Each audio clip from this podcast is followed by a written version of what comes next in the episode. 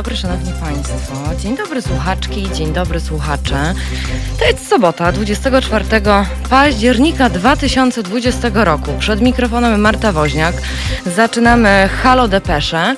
E, za sterami jest Krzysztof, a w dzisiejszym programie do godziny 10 rozmawiamy. Jesteśmy w dwóch miejscach.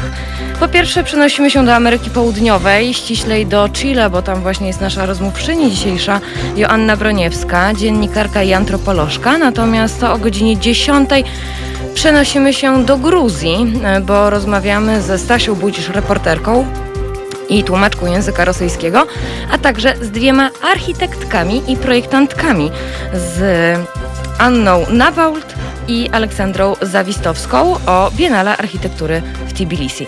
Także serdecznie Państwa zachęcam, żeby ze mną się budzić właściwie w tę nieprzyjemną, mokrą sobotę. E, więc e, słyszymy się.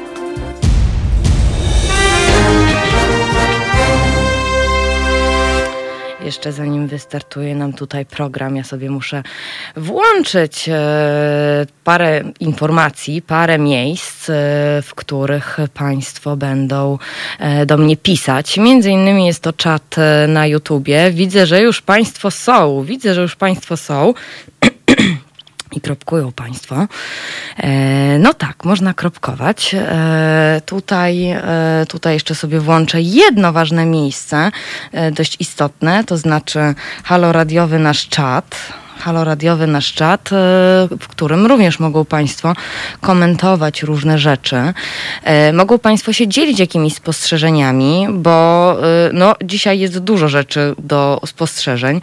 Między innymi, między innymi będziemy rozmawiać o tym, dlaczego 12 października 1492 roku to nie jest fajna data w kalendarzu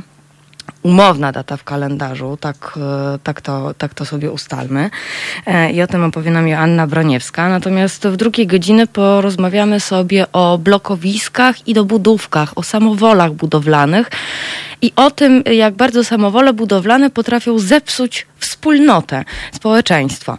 E, o tym właśnie powiemy sobie w Gruzji. Natomiast, natomiast jeżeli Państwo jeszcze nie wiedzą, co się za bardzo dzieje, to tutaj kancelaria prezydenta Andrzeja Dudy potwierdziła, że Andrzej Duda ma koronawirusa. E, mm, to taki news z samego rana, sprzed pół godziny dosłownie. Natomiast e, cała Polska jest też w czerwonej strefie weszły w życie nowe obostrzenia. E, to jest na przykład maksymalnie pięć osób może się gromadzić. E, to jest kwestia z podstawówkami. E, to są obostrzenia dla seniorów. Także nie będę tutaj Państwu akurat, nie będę tutaj Państwu akurat tego wykładać.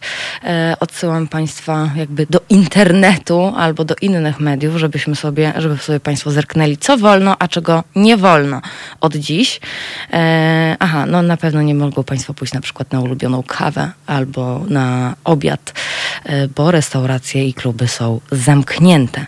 E, to e, tak, no i przede wszystkim wczoraj również gorący dzień, nie, nie tylko w Warszawie, ale w całej Polsce. Tysiące, absolutnie tysiące osób protestowało przeciwko decyzjom tak zwanego Trybunału Konstytucyjnego w sprawie aborcji i usunięcia e, jednego z zapisów dotychczas obowiązującej ustawy.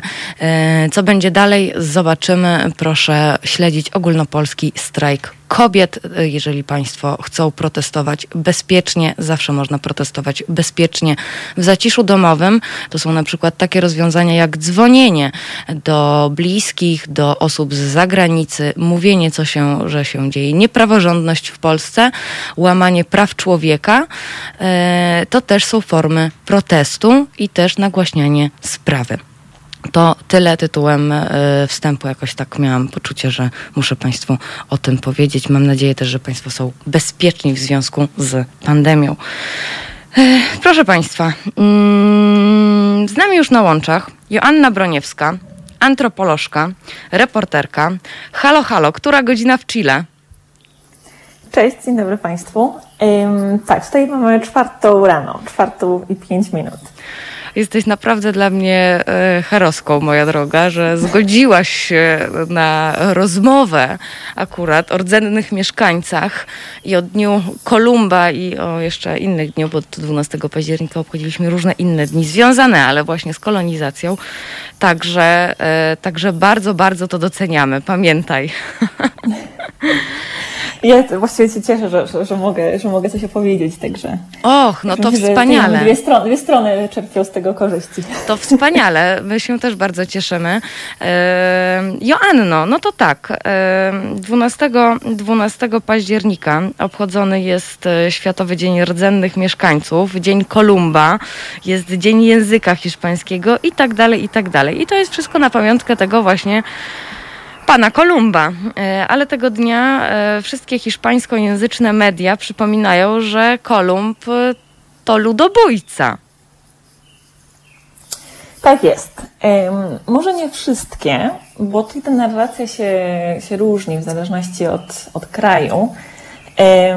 I zresztą no to też nie tylko hiszpańsko, zresztą bo całe, całe święto, jeżeli możemy to tak nazwać, dotyczy też Ameryki Północnej. Mm, czyli w gruncie rzeczy Ameryki, bueno, Stanów, Stanów Zjednoczonych. Natomiast tak jak wspomniałaś, ten dzień ma wiele nazw, e, gdzieś tam figuruje w Hiszpanii zresztą jest to, to święto narodowe Hiszpanii, tak? Jest to tutaj, tutaj w Chile, no to jest Dzień Rasy. W wielu krajach Ameryki, mm, Ameryki Łacińskiej e, z czasem, znaczy, możemy powiedzieć, że w ostatnich dwóch dekadach, ten dzień został przemianowany y, właśnie z, z, nie wiem, no, z, dnia, z, dnia, języka hiszpańskiego, z dnia Kolumba, y, na, na Dzień Rdzennych Mieszkańców, tak żeby brzmiał bardziej poprawnie politycznie, żeby nie nawiązywał do tej złej części e, przeszłości kolonialnej, tylko żeby jakby, no ja możemy mówić o jakiejś tam dobrej, no. Ale nawiązuje też do, do spotkania dwóch kultur, tak, to jest chyba najpopularniejsze określenie, którego się tutaj ostatnio używam w stosunku do przemianowania tego dnia. Dzień spotkania dwóch kultur. E, no oczywiście jakby dzień ten ma swoje... swoje, swoje ja sobie tutaj, jest, jest, no, tutaj ci przerwę. Ja sobie zerknęłam, tak? jak to właśnie jest w w Ameryce Południowej i e, tak, w Argentynie, Boliwii, Chile, Kostaryce, Ekwadorze, Nikaragui, Peru, Wenezueli używa się nazwy Dia de, Dia de la Resistencia Indigena, czyli jakby byśmy mhm. to przetłumaczyli, to Dzień Oporu Rdzennych e, Mieszkańców, albo właśnie spotkanie dwóch kultur. E, Stany Zjednoczone, bo już ustalmy, że to Ameryki Północnej zdecydowanie też dotyczy. E, Stany tak. Zjednoczone to jest Dzień Kolumba. E, no w Hiszpanii, e, posłuchaj, no w Hiszpanii znalazłam, że to jest Dia Dia de la Hispanidad, czyli Dzień Dziedzictwa Hiszpańskiego, tak? Ale też Dzień Kolumba. No ja się spotkałam z tym, że to jest dzień, który się obchodzi, jakby to był dzień, jakby święto, święto narodowe. Tak? No w zeszłym mhm. Madrycie e, jest organizowana co roku, jest, jest, jest organizowana parada. E, parada wojskowa, e, jest to dzień bardzo doniosły, tak? Mhm. Nie jestem pewna w gruncie rzeczy, jak się dokładnie nazywa w Hiszpanii, tak? ale wiem, że jakby jest to dzień, którym, który się, do którego się referuje, tak, którego się odnosi jako e, święto narodowe. To w Hiszpanii, tak? Tak, a propos tej Hiszpanii, faktycznie tam jest fe, Festo Nacional czy coś takiego. Nie mam dokładnej nazwy e, spisanej, tak. ale faktycznie, faktycznie e, przyznaję rację. Choć znalazłam również e, informację o świętowaniu Dniu Dziedzictwa Hiszpańskiego. Bardzo miło i bardzo sympatycznie. Natomiast, natomiast proszę Państwa, w Brazylii, w której na przykład istnieje najwięcej takich mm, grup rdzennych mieszkańców, to akurat nie nie obchodzi się nic związanego z e, właśnie tym kolonizacją hiszpańską, ale się obchodzi Dzień Dziecka. Także proszę, e, co kraj to, tak, inny, co kraj to inne święto 12 października. Tak, pojawiły się alternatywy. Zresztą e, jest też kilka, kilka państw, których się nie obchodzi tego dnia, których został anulowany. O. I podejrzewam, Kuba jest, jest wśród, tych, wśród, tych, e, wśród tych państw. Tak. Tak, gdzieś to też miałam tutaj. Tak, Kuba nie upamiętnia tego, ale zamiast tego 10 października y, świętuje początek wojny o niepodległość z Hiszpanią, więc y, oni to tak na przekór. tym tak, wypadku. Tak, no tutaj na tym przykładzie widać, że, że to jest, yy, że gdzieś tam możliwe, że ten dzień ma, ma wspólne korzenie w wielu krajach, yy, ale ma zupełnie inny wydźwięk. E, z czasem się to, z czasem się to zmieniało. No to jest bardzo ciekawe też ze względu, ze względu jakiegoś tam socjologicznego, socjologicznego punktu widzenia. No natomiast to wracając do tego pierwotnego pytania o prasę, o media, mhm. e, czy przypominają, że to kolumn ludobójca, wydaje się, coraz mniej, że ten dzień, przynajmniej z mojego doświadczenia tutaj w Chile, no ten dzień to jest dzień wolny od pracy. W tym roku to był poniedziałek. Wydaje mi się, że jakby zapytać większość Chilijczyków, co świętujemy w ten poniedziałek i dlaczego jest wolne, to by nie byli w stanie odpowiedzieć. Jakby to nie Naprawdę? jest dzień, się... Tak, ten dzień jakby ludzie się cieszą, że w weekend, teraz skończyła się pandemia, więc wszyscy masowo rzucili się do wyjeżdżania, jest wiosna, był długi weekend, tak więc w górach po prostu tłumy, nad morzem tłumy, ale um, nie wydaje mi się, żeby, żeby to miało jakiś, jak, żeby jako święto ten dzień miał jakiś większy sens tutaj. W prasie gdzieś tam rzeczywiście prze, prze, prze, przeczytałam, znalazłam kilka tekstów y, poświęconych y, wiecznemu konfliktowi tak, tego, tego dnia z y, no, ogólnie jego, jego nieodpowiednio, nieodpowiedniością tak, w, ze współczesnych czasach. Ale to są już bardziej takie komentarze, takie komentarze, że komentarze oczywistej e, rzeczywistości, możemy powiedzieć, tak? Nic, nic co by zaskoczyło, zaskoczyło innych.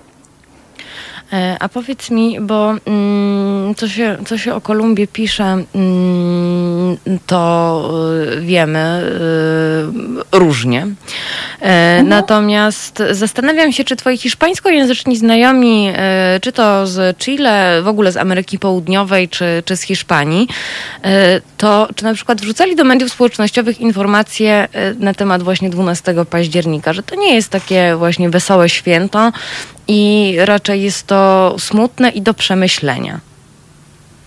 Wiesz co, właściwie to nie. Wiesz, bo ja nie mam tak, bo znajomi... wiesz, ja nie mam aż tak dużo znajomych z Ameryki Południowej. E, kilku mam i oni właśnie wrzucali. I jestem, tak, no. e, i byłam taka, e, że się niby wie, ale jak tak jednak człowiek jest coraz bardziej świadomy i coraz bardziej, to to jest bardziej uderzające jakieś takie. Mhm. Tak, no ja bym powiedziała, że tacy bardziej świadomi społecznie i politycznie znajomi gdzieś tam rzeczywiście o tym y, wspominali, czy wrzucali krytykę oczywiście, tak jakby jak tu w ogóle świętujemy Dzień Kolumba, to gdzieś Dzień Rasy w Chile, to w ogóle jest jakąś straszną y, naleciałością mhm. językową też. Y, no, że jak to w ogóle świętować, tak, w XXI wieku, biorąc pod uwagę to, co się dzieje na świecie, to, co się tutaj dzieje w Chile. No tutaj w Chile chociażby, no, wydaje mi się, że w wielu krajach Ameryki Łacińskiej wciąż jest tam jest jakiś tam konflikt na linii ludność rdzenna i, i rząd na przykład, tak? No więc oczywiście jakby ten dzień sprzyja powrotom też do, do, do, do rozmowy na ten temat, tak? Do, no jest to konflikt, tak, który gdzieś tam wyniknął przez Kolumba, przez odkrycie Ameryki, odkrycie w cudzysłowie. E, więc do, mi się wydaje, że bardzo do tego się wraca tutaj, przynajmniej w Chile. Także jakby przez ten konflikt się pokazuje, że no, że w ogóle dlaczego świętujemy tego Kolumba i to odkrycie, skoro tyle krzywd się potem wydarzyło, tak? E, Joanno, za chwilę nie będziemy w ogóle świętować Kolumba, e, bo ty przeprowadziłaś bardzo interesującą rozmowę e, dla tych z Państwa, którzy są zainteresowani Ameryką Południową, rdzennymi mieszkańcami różnych kontynentów nawet. Warto, warto sięgnąć po tekst z najnowszego numeru polityki Joanny Broniewskiej, czyli Klisze z Ameryki. W internecie również mogą Państwo go znaleźć pod tytułem Maria Paz Bachas Irisar o wizerunku rdzennych mieszkańców Ameryki i stereotypach. I właśnie o tym sobie za chwilę już po po yy, co, to, co to to będzie? Soft, soul, soft, soft cell, soft cell, już się poprawiam. I za chwilę właśnie sobie o tych stereotypach i o takich mitach porozmawiamy yy, z Joanną Broniewską. Jeżeli mają Państwo jakieś pytania, jeżeli yy, chcą Państwo się podzielić jakąś refleksją, może sami pamiętają moment, kiedy do Państwa uderzyło, że Indianie to nie tylko mają pióropusze, to proszę dawać znać, bo to jest zawsze bardzo cenna wiedza i bardzo fajna wymiana myśli. 22 39 059 22, taki jest numer do Halo Radiowego Studia. Mogą Państwo też pisać na czacie na YouTubie albo na czacie na Facebooku. E, no i słucham Państwa, a Państwo słuchają Soft Cell. Słuchacie powtórki programu.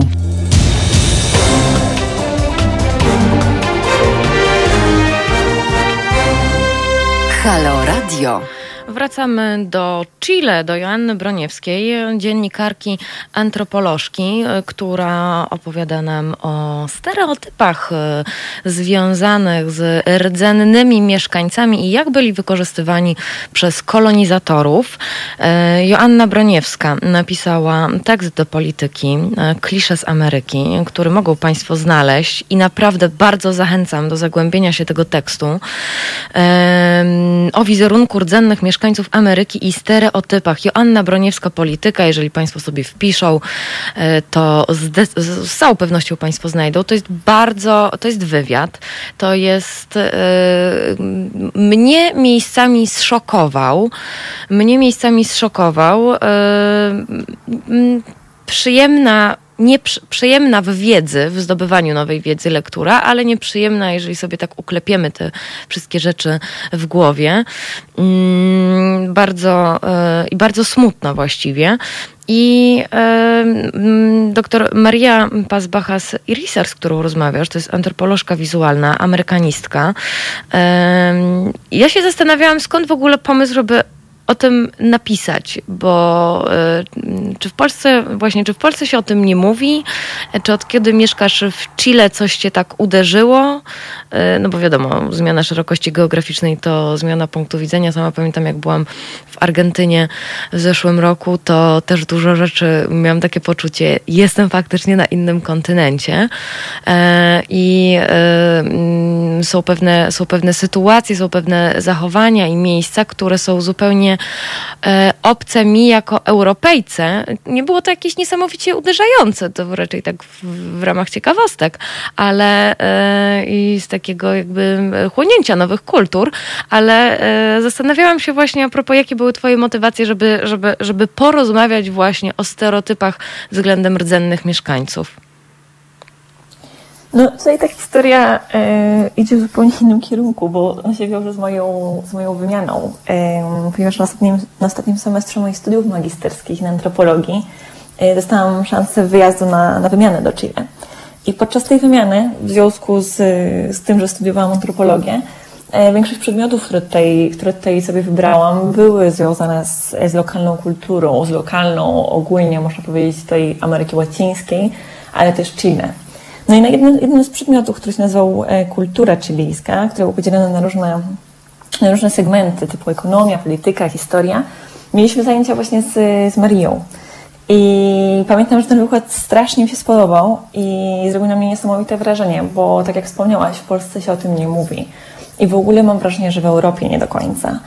Mm, I dlatego jakby, no nie wiem, no to, był, to był dla mnie straszny szok. Wyszłam po tych zajęciach, pamiętam, strasznie zszokowana, tak jak powiedziałaś. No to jest, to jest ciekawa wiedza, ale jak je sobie ułożysz, to, no, to w ogóle po prostu szok, że coś takiego się działo. I że w gruncie rzeczy. I czego ty się dowiedziałaś? Się Wiesz co, tak, no przede wszystkim um, o tej, ta reprezentacja, o której, o której tam rozmawiam z, z Marią, um, no że wiesz, fajnie, że tam rzeczywiście na początku, w tym XVI wieku, oni sobie tam e, tworzyli fake newsy w gruncie rzeczy, możemy to dzisiaj tak powiedzieć, nie? No jakby można się tego spodziewać, że coś takiego się działo, aczkolwiek i tak... Ale super zdanie, e, w XVI wieku tworzono fake newsy o Ameryce Południowej, o rdzennych mieszkańcach. No bo to jest Ekstra. fake news, no kurczę, to jest fake news, no bo tak czy inaczej, jeżeli mamy kolesia, który jest tam z Holandii i on tworzy książki e, i, i robi tam rysunki, o rdzennej ludności Ameryki Łacińskiej, się przedstawia, nigdy w życiu nie mając z nimi kontaktu, no to jest fake news, moim zdaniem.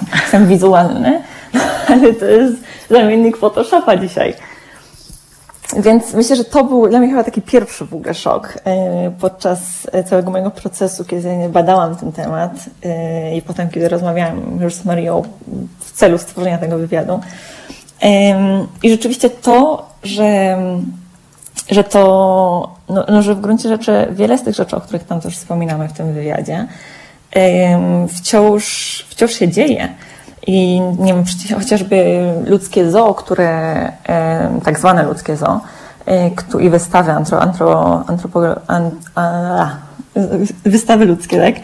które wciąż miały miejsce w Europie w końcówce XIX XIX wieku i na początku wieku XX, no to w ogóle jest szok, że to przecież było 100 lat temu.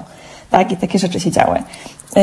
No i to współcześnie, tak, też to nawiązanie mm, do westernów, że, że wciąż się kreuje taki negatywny wizerunek i zupełnie no, nieprawdziwy wizerunek tych Indian, też w cudzysłowie, e, tutaj w tym kontekście bardziej z Ameryki Północnej. No ale to wszystko jakby no, jest dość szokujące i takie dla mnie też było. I, i no, nie wiem, czy tutaj się o tym tak też mówi. Może rzeczywiście więcej niż, e, niż w Europie czy w Polsce. Więc ta zmiana szerokości geograficznej mm, może trochę tylko mi bardziej otworzyła oczy, ale też e, to nie jest jakiś popularny temat tutaj. Mm. Tutaj tylko zwrócę się do naszych e, słuchaczek i słuchaczy. Mają Państwo jakieś takie opóźnienie synchro, obraz, e, dźwięk. To w takim razie proszę nie wyszukiwać, czy faktycznie jest ta, ten, to, to zabożenie synchronizacji obrazu i dźwięku, tylko wsłuchiwać się, wsłuchiwać. Jesteśmy wszak w Radiu Obywatelskim, medium obywatelskim, które Państwo wspierają i za każdy, każdą złotówkę, każdy datek bardzo dziękujemy i cały czas prosimy o wsparcie e, tego projektu bo jak pokazał ten rok, e, wiele się nauczyliśmy, wiele się dowiedzieliśmy i wiele mamy różnych innych przemyśleń, a to dzięki e, Państwu, bo Państwo są nie tylko słuchaczkami i słuchaczami, ale również darczyniami i darczyńcami, więc cały czas zachęcam do wspierania Haloradia. Wracam już do Ciebie, Anno. Wracam już do Ciebie, Joanno. Mm, mnie najbardziej z Twojego wywiadu uderzyło właśnie to takie ludzkie zo. Napisane w cudzysłowie, ale y, czy mogłabyś wyjaśnić, co to, co to właściwie było? Tak, no to były wystawy organizowane przede wszystkim w Europie Zachodniej, e, w wielu, wielu krajach. E, przede wszystkim były to wystawy objazdowe, tak? czyli one gdzieś tam się zaczepiały na kilka tygodni, miesięcy w jednym miejscu i potem sobie jechały dalej. Tym sposobem bardzo wiele ludzi z ówczesnej, z ówczesnej Europy miało szansę e, zobaczyć, zobaczyć, doświadczyć tego ludzkiego zoo. Na samo ludzkie zoo, no to jakby jak sama nazwa może wskazywać, tak? Jakby jest to wystawa, która przypomina w swojej strukturze zoo, no natomiast w klatkach zamiast, zamiast różnych zwierząt mamy ludzi, którzy reprezentują różne grupy etniczne. Tak? No i tutaj ciekawostką jest to, że um, jednymi z, pierwszy, z pierwszych ludzi, którzy byli wysta wystawiani, tak możemy powiedzieć też w cudzysłowie, w, w tych ludzkich zoo, um, nie byli, nie byli mieszkańcy, nie byli Indianie, tak? nie byli ci rdzenni mieszkańcy Ameryk, tylko byli Samowie, którzy też są mieszkańcami Europy, tak? Tylko, że um, ich problem, można powiedzieć, polegał na tym, że że ich styl życia znacznie się różnił od, od stylu życia klasycznego Europejczyka, możemy powiedzieć, tak? Czyli nie żyli w miastach, to byli nomadzi, e, mieli swoje zwyczaje, inną kulturę, e, która wydawała się oczywiście w ówczesnych e, czasach dzika. Więc też atrakcyjna dla ludzi, tak? Więc jakby to, no to jest taka ciekawostka, że to nie byli, nie byli tylko ci rdzenni mieszkańcy Nowego Świata, ale też Europejczycy. No i taka instytucja tego ludzkiego zoo, e, tak jak wspomniałam, to taka objazdowa instytucja. No i tam w klatkach, bo rzeczywiście tych ludzi zamykało w, w klatkach, um, pokazywano mieszkańcom, no pokazywano jak taki eksponat, coś mhm. innego, coś ten, ten inny. E, najczęściej w tych klatkach znajdowali się ludzie z jakimiś swoimi atrybutami. E, tak jak tam w tym tekście, zresztą w polityce, e, wspominam, że chociażby, nie wiem, ludzi z, z ziemi ognistej zamykano z ich, przywożono także ich, ich kanoa, tak, i te kanoa umieszczono w tych klatkach. No i tam ci ludzie ogólnie mieli za zadanie grać, tak, grać siebie, grać, odgrywać rolę jakby typowego przedstawiciela ich, ich, ich plemienia, ich, ich, ich grupy. Tak, no, no, no to jest no, wielki szok ogólnie. Tutaj cytuję z Twojego tekstu, a właściwie doktor Marie Pas Bachas Irisar. Pod koniec XVIII wieku pojawił się pomysł ekspozycji nazywanych także antropozoologicznymi. Pierwszy naturalista, czyli Georges Leclerc de Buffon myślał o wystawach pokazujących różne grupy etniczne, a tym, który przejął inicjatywę i stał się wielkim przedsiębiorcą ludzkich, zdobył treser i właściciel kilku cyrków objazdowych Karl Hagenbeck e, i pierwszą ekspozycję właśnie w 1874 roku tych e, samów, ale e, też tutaj dopisujesz, oj nie umiem znaleźć tego, aha, pokazywani, reprezen pokazywani reprezentanci różnych grup etnicznych odgrywali swego rodzaju przedstawienia. Jeszcze zmuszano ich do robienia jakichś dziwnych rzeczy, dziwnych. Walczyli, tańczyli, gotowali przerażające. I jak, powiedz, jak e, doktor Maria ci o tym opowiadała, rozumiem, że jest naukowczynią, e, specjalistką, więc, e, ale czy miałaś takie wrażenie, no, nie wiem, mm, mm, jak, jak, jak ona do tego podchodzi? No, ona podchodzi z bardzo naukowego punktu widzenia, jakby traktuje to jako jakieś tam suche fakty, które oczywiście są szokujące. I aczkolwiek tutaj też pamiętam, że z nią rozmawiałyśmy na ten temat, to nie zawsze było tak, że ci ludzie byli zmuszani do tego. E, bo to się tak wydaje, można powiedzieć, że oni byli, w dużej mierze oni byli porywani e, i wystawiani gdzieś tam w Europie, e, natomiast nie zawsze. Z czasem ci handlarze, można powiedzieć ludźmi wtedy, zawierali układy. Zawierali układy tutaj z ludźmi chociażby w, w Ameryce Południowej, e, którzy podpisywali jakieś tam ich kontakty, czy już nie wiem, było to na słowo mówione. E, no, że oni sobie pojadą na do Europy na, na rok, dwa, będą tam, wiedzieli jakby na co się piszą, tak? Jakby wiedzą, wiedzieli, co będą tam musieli robić, a potem sobie wrócą i za to dostaną wynagrodzenia. Jakby są znane takie przypadki. Nie jestem w stanie powiedzieć, jaki to jest procent, czy, czy w większości to były porwania jednak, czy w większości to były jakieś tam ich umowy wewnętrzne, ale istniały obydwa, obydwa przypadki są jakby prawdziwe, tak? Mhm. Więc to nie, jakby oni też no, czasami wiedzieli, na co się piszą, tak jak mówię. Mm, I nie do końca byli zmuszani. Natomiast wiedząc jakby, co będą musieli robić i, i jak będzie wyglądała ich, no nie wiem, powiedzmy praca, e, oni też nie byli do końca świadomi, jak wygląda Europa. No i tutaj pojawia się kwestia ich, ich chociażby umieralności, tak? No bo to jest inny klimat. Oni nie byli przygotowani. No właśnie, dużo osób, y, bo Kolumb też miał przecież takie, tak było, y, na tym, że swoim statku stwierdził, że właśnie pokaże królowi i królowej, dowody na to, że odkrył e, nowy ląd e, i że są tam ludzie, ale okazywało się, że no niestety podróż była dla, dla rdzennych mieszkańców zabójcza. Podróż jak podróż, ale również właśnie klimat Europy, absolutnie różny od tak, tego. Tak, dokładnie. Tutaj się też mówi, no, przynajmniej w kontekście ludzi, którzy przyjeżdżali do Europy z, z ziemi ognistej. Tak? Nam było bardzo dużo ludów e, nomandzkich e, i kiedy ich zabierali do Europy, no oni jakby byli, tak, powiedzmy ziemia ognista jest, jest częścią e, chłodną, zimną, bardzo wietrzną. Natomiast jakby ci ludzie zabrani do Europy, gdzie byli zamknięci w klatkach w gruncie rzeczy, na przykład w takim Paryżu, Berlinie, gdzie w zimie schodzą temperatury poniżej zera, gdzie jest śnieg, gdzie ten klimat można powiedzieć, że jest trochę podobny, ale jednak nie. Jednak to nie jest ich, to nie jest ten klimat, w którym oni się urodzili. Więc oni tego po prostu, oni mieli, z trudnością przeżywali te zimy w Europie. Z trudnością przeżywali zimy, no choroby, tak, też choroby europejskie, których wcześniej nie znali. No to wszystko, czy też jedzenie, no, mnóstwo aspektów, które przyczyniły się do tego, że ta śmiertelność wśród tych ludzi była bardzo duża i znaczna część nie wracała potem do, do miejsca swojego pochodzenia.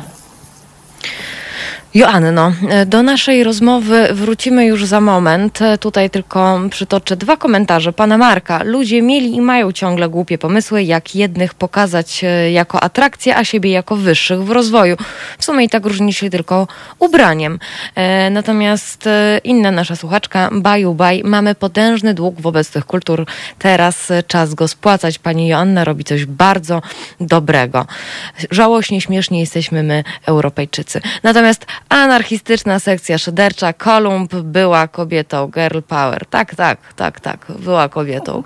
E, trochę, trochę, trochę, trochę humoru i szydery tutaj. Serdecznie, serdecznie ściskam i pozdrawiam anarchistyczną sekcję szyderczą. E, tak, Joanna, coś, coś tutaj mówiłaś jeszcze? Tak, że, że były przecież teorie, że Kolumb był Polakiem. A, tak, to prawda. tego, że kobietą. Tak, to prawda. E, a wiadomo, że przecież Polacy są wszędzie, to dlaczego Kolumb, e, Kolumb i nie.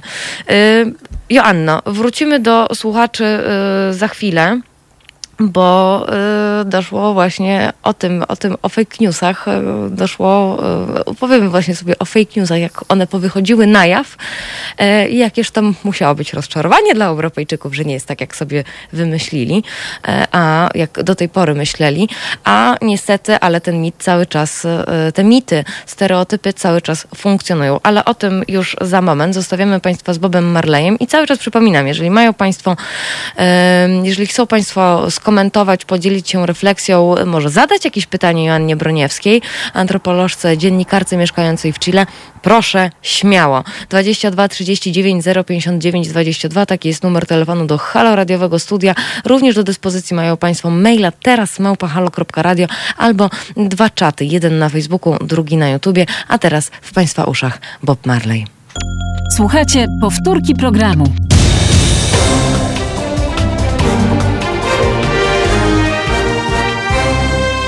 Halo Radio. 22 39 059 22 to jest numer do naszego halo radiowego studia. Mogą Państwo też pisać teraz małpahalo.radio albo mogą Państwo komentować. E, klawiatury widzę nawet dość gorące e, na czacie YouTube'owym, ale również na czacie Facebookowym.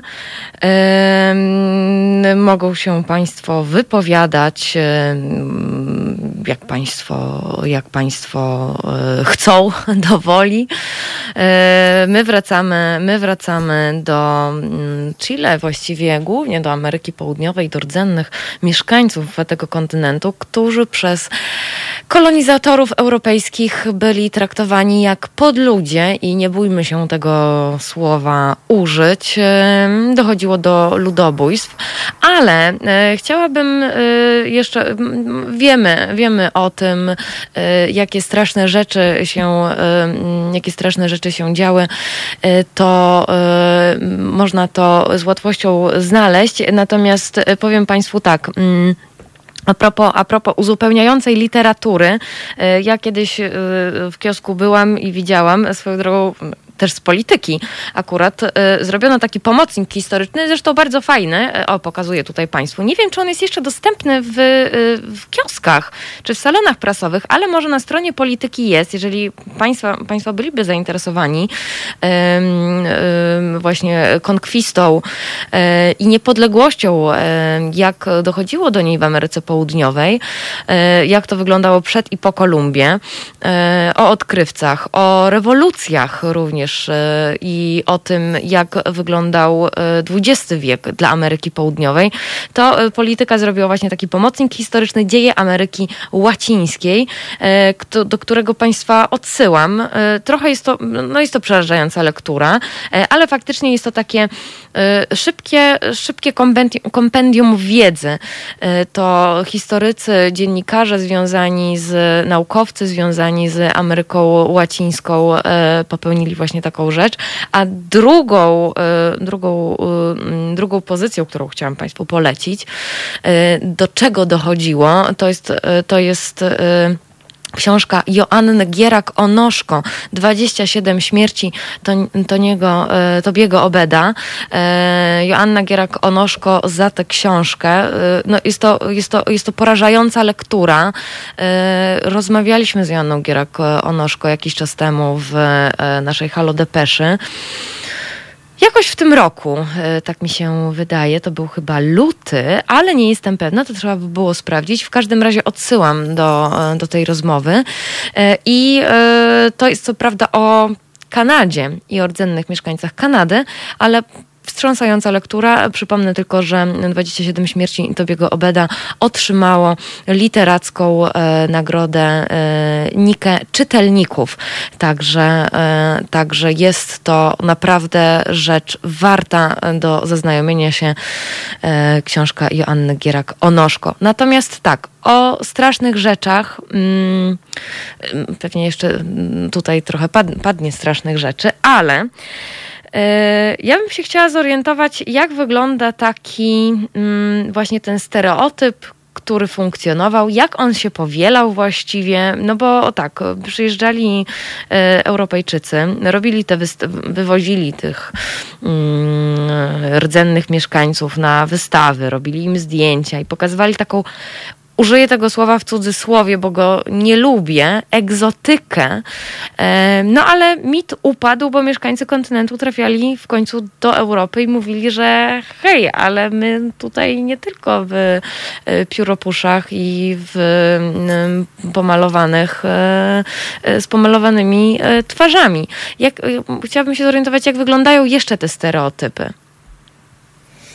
Co, przede wszystkim jakby to mówię, że ten mit upadł, czy tam upadał. No, wydaje mi się, że on wciąż nie upadł w przypadku wielu ludzi, e, że wciąż, e, oczywiście tak, ci, ci mieszkańcy obydwu Ameryk docierali, docierali przede wszystkim w XX wieku i właściwie teraz też w XXI docierają tutaj do, do Europy i wciąż są wciąż wiele osób na nich tak patrzy, to oni są tam z Ameryki Łacińskiej. Oni to tam brudni, nie wiem, jakby gdzieś tam słyszałam takie, takie określenie, że ko, oczywiście kolor skóry, tak, że, że inne, inne włosy, że inne tradycje, że, no, że to gor, gorszy typ człowieka, tak, gorszy sort. Zresztą w Hiszpanii. To jest bardzo często spotykany, spotykana jakaś opinia w, w Hiszpanii, tak, wciąż dzisiaj, ja miałam okazję z tym się spotkać, że ci mieszkańcy Ameryki są, rdzenni mieszkańcy Ameryki przyjeżdżający do Europy są wciąż gorzej traktowani. O, to, opo- to ale to, co to była za sytuacja? Wiesz co, to jest ogólnie w rozmowach bardzo często wychodzi. E, osób, których byś się nawet nie spodziewała, że mogą mieć taki punkt widzenia. Tutaj zresztą istnieje, e, nie wiem, czy, nie wiem, czy się spotkałaś z takim określeniem e, sudaka. Nie wiem, czy kojarzysz. Sudaka? Tak, to jest bardzo No pewnie od sud, czyli od południa, tak? Tak, to jest bardzo negatywne, bardzo pejoratywne określenie mieszkańców Ameryki Południowej, e, mieszkańców am, am, Ameryki ogólnie hiszpańskojęzycznych, e, które się przyjęło w Hiszpanii. I no jest bardzo negatywne, bardzo pejoratywne. Jest takie, a, ten gorszy sort, tak? Mhm. Y, no i tak, tam się, można się spotkać. Zresztą tutaj e, mój partner miał taką sytuację już tutaj w Chile kiedyś. E, był na jakiejś, na jakiejś imprezie e, z, z ludźmi z wymiany, ze studentami z wymiany i rozmawiał z jakimś Hiszpanem. I ten Hiszpan powiedział, że no ale przecież tą cywilizację, co tu macie, to wszystko, że ten kraj w ogóle działa, no to przecież dzięki Hiszpanom, przecież to dzięki kolonizatorom, przecież to, że w ogóle tutaj to gra, trzeba, trzeba, trzeba, dziękować Kościołowi i Hiszpanom za to, że to w ogóle wszystko, że światło mamy przecież. A, no, no i widzisz, tutaj pan Jacek dopowiada właśnie, Kościół ma w tym swoją kluczową rolę, jeśli chodzi o eksterminację innych kultur. I jeszcze pan Jacek również dopowiadał, że Indianie z Ameryki Północnej też zostali wycięci. E, też mi się przypomina, bo wcześniej też mówiłaś o, mm, o ziemi ognistej e, i też tutaj dla słuchaczy chciałam przypomnieć, kiedyś rozmawialiśmy akurat e, z Damianem Nowickim o jaganach właśnie z, z ziemi ognistej, o Krystynie Calderon. Nawet ostatnio wspominaliśmy te audycje przy okazji roku Haloradia. To tak, to tak, to tak, to tak mhm. tak na marginesie. Ale jeszcze, zanim, zanim się rozłączysz, to jeszcze chciałam o jedną taką e, rzecz zapytać, mm, a właściwie o dwie. Mam nadzieję, że nam starczy czasu. E, jedna rzecz, kiedyś z Wojtkiem Szotem mieliśmy taką dyskusję, mm, też akurat w Halo Poranku, e, na temat e, wiersza Juliana Tuwima, Murzynek Bambo. Rozmawialiśmy o tym, jak dzieciom prezentowana jest Afryka, a jak prezentowana jest właśnie dzieciom tak globalnie Ameryka Południowa. No bo pierwsze, co mi przychodzi do głowy, to Pocahontas. Ja pokusiłam się kiedyś o coś takiego, że mm, z moim przyjacielem stwierdziliśmy, zobaczymy zobaczymy sobie jeszcze raz Pocahontas i faktycznie po, y, już jako dorośli ludzie, tak? Y, jako takie wspominki, jakiś żarcik pewnie między nami i tak ja, ja byłam uderzona tym, przecież to jest historia o kolonializmie, a jak jest się dzieckiem, to tak do ciebie to nie dociera. Jakie są jeszcze oprócz Pocahontas takie, takie historie? Się, że na, na skalę taką, jaką, jaką jest Pocahontas, nie ma innej takiej historii. Znaczy w stosunku, jeżeli mówimy o, o tam literaturze czy, czy filmach dla dzieci, natomiast yy, no są, są westerny, tak, które są już dla, dla dorosłych, yy, bardziej, które są popularną yy, formą tam, która pokazuje ten kolonializm też, tak, jakby pokazuje tego, yy, tego Indianina jako tego złego. Ale tak jak, no tak jak ty, to, to wracając do tego pytania, nie? że mhm. mm, coś, co możemy, co, co, możemy porównać, że jest pokazywane dzieciom, wydaje mi się, że ta Pocahontas to jest taki, wiesz, taki klucz. Nie wiem, um, była jeszcze Mulan bodajże. A, tak, tak ale to, to Chiny. zakątka świata, tak, tak, to zakątek świata, natomiast nie pamiętam, że ta historia też miała jakoś tam, była na, Y, napiętnowana kolonializmem. Nie no, z Mulan no to było, nie no, z Mulan no to było, że ja akurat Mulan uwielbiałam, bo to była kobieta, która poszła do wojska i a, okay. no, udawała, udawała mężczyznę, a to akurat inny, inny, inny, inny, inny problem jest akurat pokazany w Mulan, tak mi się wydaje. Ach, te bajki po prostu, co one z nami zrobiły. Y, tutaj, tutaj chciałam przytoczyć parę komentarzy. Pan Marek pisze, takie chyba po, e, fakt, e, faktem Europejczycy robili różne głupoty globalnie, uważając się przy tym za rasę wyższą i że cywilizują świat, ale takie chyba mamy podejście do czegoś nowego, albo to tak traktujemy jako coś do oglądania, albo do podporządkowania, a jak jedno się znudzi lub drugie się nie uda, to należało to zniszczyć. Przerażające słowa, panie Marku. E, tutaj, e, tutaj e, jeszcze, e, no rozmawiają państwo między sobą rozmawiają Państwo między sobą. Mm, chciałam jeszcze jakiś mm, przytoczyć komentarz. O, e, baju baj, trzeba zmienić nasze protekcjonalne europejskie podejście. I tutaj jeszcze Pan Łukasz dopisuje, to jest super ciekawa audycja, bardzo się cieszę, że jest możliwość rozmowy z Panią Joanną i proszę dać się zaprosić jeszcze do Haloradia na rozmowę o mafiach awokadowych w Chile plus plus prywatyzację rzek.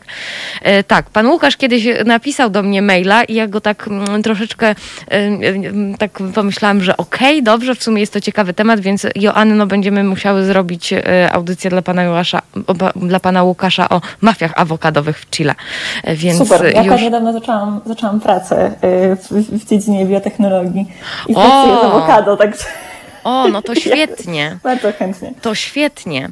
E, to jeszcze, to jeszcze ostatnie pytanie na koniec. E, co się mówiło w Ameryce Południowej, co się mówiło w Chile, kiedy wybuchł z taką ogromną siłą, e, nie wybuchł, bo on już jakby wcześniej funkcjonował, ale jednak cały świat, był na ustach całego świata ruch Black Lives Matter. W Bostonie ścięto na przykład głowę Kolumba. Czy pomniki w Ameryce Południowej kolonizatorów również ucinano? Wiesz co, tutaj przynajmniej w Chile nie.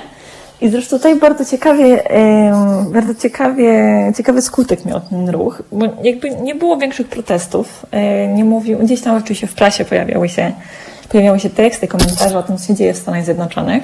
Natomiast tutaj e, wiele osób poczuło się urażonych, można powiedzieć, że urażonych faktem, że cały świat mówi o tym, że takie, że tam zamordowano osobę czarnoskórą w Stanach Zjednoczonych, teraz wszyscy protestują i cały świat się rzucił w ogóle w pomocy. E, a tutaj w Chile przecież u nas się tyle morduje codziennie tych rdzennych mieszkańców i nikt o tym nie mówi. Mhm. Nie, jakby, no to była taka narracja, która przeważyła w ogóle cały, mi się wydaje, cały, cały ten, te, te pierwsze dni, kiedy, kiedy rzeczywiście ten Black Lives Matter e, pojawiło się, tak, i to, i to o tym się mówiło w prasie, w prasie na całym świecie, no to w Chile, w Chile to tak wyglądało. I tam było nawet kilka ludzi gdzieś tam organizowali jakieś mniejsze protesty, no to jak mówię, no to, to się odbiło, odbiło e, trochę w inną stronę tutaj. Rozumiem. Joanno, korzystając jeszcze z okazji, że łączysz się z nami z mm, Santiago de Chile, to yy, moja droga, macie tam też protesty. Czy mogłabyś nam już, już, już rdzennych mieszkańców zostawmy i y, kolonizatorów europejskich? Y, teraz dzieją się protesty. Y, czego dotyczą?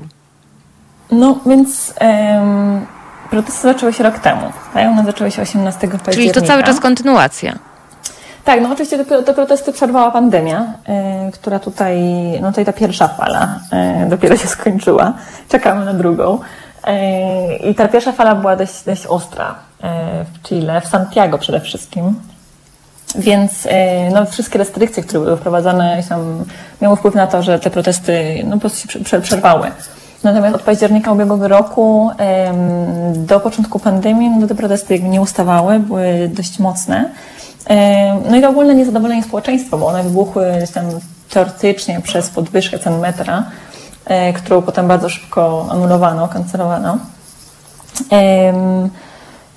No ale jakby protesty, protesty były wywołane ogólnie, nie, to się mówi, że to nie było 30, nie było 30 peso, e, które, o, które, podwyższono tam przejazd metrem, tylko 30 lat. Tak, 30 lat, kiedy w Chile w gruncie rzeczy e, rządzą, rządzą elity i jest bardzo duża, są bardzo duże nierówności społeczne. Więc jakby wyda, wydaje się, że jakby to, nagle się wszystko, wszystkie te, te, te gorycze, wszystko się wylało. E, no i ludzie zaczęli, zaczęli protestować, wyszli na ulicę. Teraz, kiedy ta pandemia nieco ulża, ulżyła tutaj i sytuacja się nieco poprawiła, e, no ludzie wrócili na ulicę. I 18 października była rocznica, rocznica wybuchu, wybuchu zamieszek. E, no i znowu się pojawiły masowe protesty. Było, było ponad 30 tysięcy e, ludzi na ulicach w Santiago w ubiegłą niedzielę. E, spłonęły dwa kościoły tutaj w mojej okolicy, w centrum. No, były dość, dość, dość ciężkie starcia policji z, z, z ludźmi. Były też pokojowe protesty oczywiście. Mhm. Nie możemy, nie możemy tutaj generalizować. No tak, ale jednak e... dwa płonące kościoły robią wrażenie i to do nas dotarło akurat do Polski. Tak, no te dwa kościoły sobie spłonęły, e, okradli stacje, różne stacje benzynowe zostały okradzione, supermarkety, tutaj na uniwersytet się włamano. No jakby dużo złego się działo i to nie do końca jakby to społeczeństwo chilijskie nie popiera tego w dużej mierze. Ludzie są, chcieliby zmiany, ale nie, nie popierają tej przemocy, która się dzieje e, podczas protestów. Mhm. No natomiast e, to, co jest tutaj najważniejsze, to że jeszcze, jeszcze na samym początku tych protestów w ubiegłym roku, było bodajże 15, 15 listopada, rząd już przyciśnięty całkowicie do ściany podjął decyzję o urządzeniu referendum, referendum konstytucyjnego, ponieważ nie wiem, na ile są tutaj Państwo, słuchacze, E, zaznajomieni z tematem, ale obecna konstytucja w Chile e, to jest konstytucja stworzona przez rząd Pinocheta.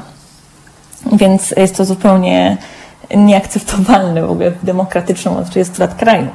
Więc e, jest to, jest to, jest to konstytucja stworzona z pomocą słynnych Chicago Boys. Tak? Ona, ona promuje tam neoliberalizm, opiera się na neoliberalizmie E, który tutaj też większość mieszkańców wini za, te, za nierówności chociażby społeczne, tak? za to duży sektor prywatny, właściwie jedyny sektor prywatny, jeżeli chodzi o służbę zdrowia, edukację, system emerytalny i tak dalej.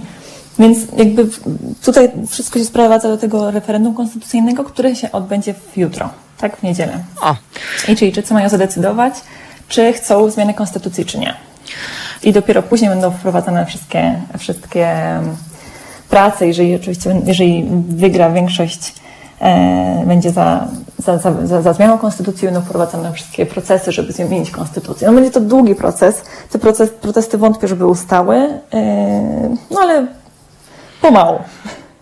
Sytuacja jest, e, sytuacja się rozwija. E, bardzo dziękuję Ci, e, Joanno, za nasze dzisiejsze spotkanie, rozmowę o rdzennych mieszkańcach, o tym, jak się ich mitoli, mitoli, mit, co się z nimi robiło i co się, co się nadal robi i co się przebija do naszych głów, a także o krótką informację tego, jak wyglądają, z czego wynikają protesty. I trzymamy cały czas rękę na pulsie. Natomiast Natomiast ty idź chyba teraz spać. Piąta rano dla ciebie. Tak. Moją Państwa gościnią Joanna Broniewska, e, dziennikarka i antropolożka. Jeszcze raz bardzo, bardzo Ci dziękuję. Ja również bardzo dziękuję. E, ja z Państwem się jeszcze nie żegnam. Już za chwilę, już za chwilę w Halo Depesze przenosimy się z Chile do Gruzji razem z Stasią Budzisz i z Aleksandrą Zawistowską. Będziemy rozmawiać wokół Biennale Architektury w Tbilisi 2020, więc proszę z nami zostać. I, i cóż, jeżeli mają Państwo jakieś pytania albo propozycje na przykład tematów, o których warto w Halo Depeszy powiedzieć, woźniak małpa halo.radio, woźniak bez polskich znaków, proszę tam słuchać, o czym by chcieli Państwo posłuchać. Pan Łukasz już mnie tutaj do, mm, wywołał, żeby, żeby było o mafiach awokadowych w Chile. E, także e, może, może, może e, myślę, że za niedługo, za niedługo byśmy to akurat taki temat może przygotowali, ale to musimy się do tego dobrze przygotować. To Państwo, państwo wiedzą, że, że to też nie jest takie hop -siup bo trzeba właśnie eksperta, specjalisty znaleźć. Ja myślę, że do awokado też by nam się przydał e, ktoś, e, kto, kto by powiedział o tym, e, że, no bo jak, jak myślę sobie o awokado, to że zabija planetę, bo tyle wody potrzebuje. Dziadostwo jedno, a jednak takie zdrowe. Hm. Dobrze, już się nie wymądrzam. Zostawiam Państwa. Zostawiam Państwa z Desiri, Feel So High i już za chwilę łączymy się ze Stasią Budzisz i z Aleksandrą Zawistowską. Słuchajcie powtórki programu.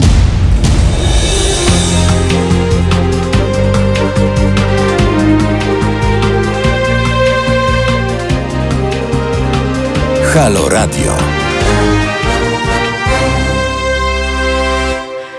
Wracamy. Marta Woźniak z tej strony. Halo Depesza w Państwa uszach. Jeszcze do godziny 10.45, e, bo o godzinie 11 zasiada tutaj e, Jarosław Szczepański ze swoją audycją Halofor. O godzinie 13 nie będzie audycji Jakuba Demka, bo ktoś się zapytał. O godzinie 15 Mariusz Gzyl, o godzinie 17 Wiktor Niedzicki, o godzinie 19 Audycji Mariusza Kowalczyka, e, Kowalczyka również nie będzie, natomiast o godzinie 21 Wojtek Krzyżaniak w Państwa. Taki jest rozkład jazdy e, na dzisiejszy dzień. E, w audycji Kuby Dymka czy Mariusza Kowalczyka to akurat w tym wypadku będą powtórki audycji. Za sterami jest Krzysztof, natomiast my z Ameryki Południowej, z Chile, przenosimy się teraz do Gruzji, ale zanim przywitam nasze gościnie, to tutaj widzę, że mm, na naszym czacie pojawił się Sinsiul Złoty, nasz słuchacz e, Złoty, a jakże, e, który wiem, że jest wielkim fanem Ameryki Południowej, szczególnie Ameryki Centralnej.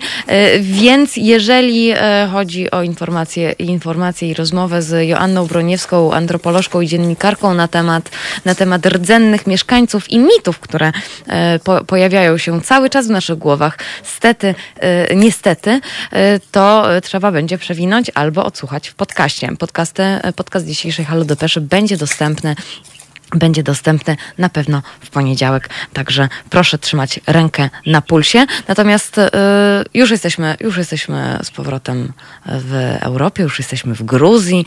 Aleksandra Zawistowska, y, architektka y, i tłumaczka języka rosyjskiego, reporterka Stasia Budzisz, która od dekady jest związana z Kaukazem, a to też również zaowocowało i tutaj również przyniosłam kolejny egzemplarz Państwu do pokazywania czyli pokazuchę, książkę Stasi y, Budzisz, pokazucha na grusińskich zasadach, książka reporterska nakładem wydawnictwa poznańskiego o której już sobie też rozmawialiśmy e, kiedyś w Halo Depesze, ale ja nie pamiętam, ale ja nie pamiętam e, kiedy dokładnie. To mogę Państwu, mogę Państwu to sprawdzić.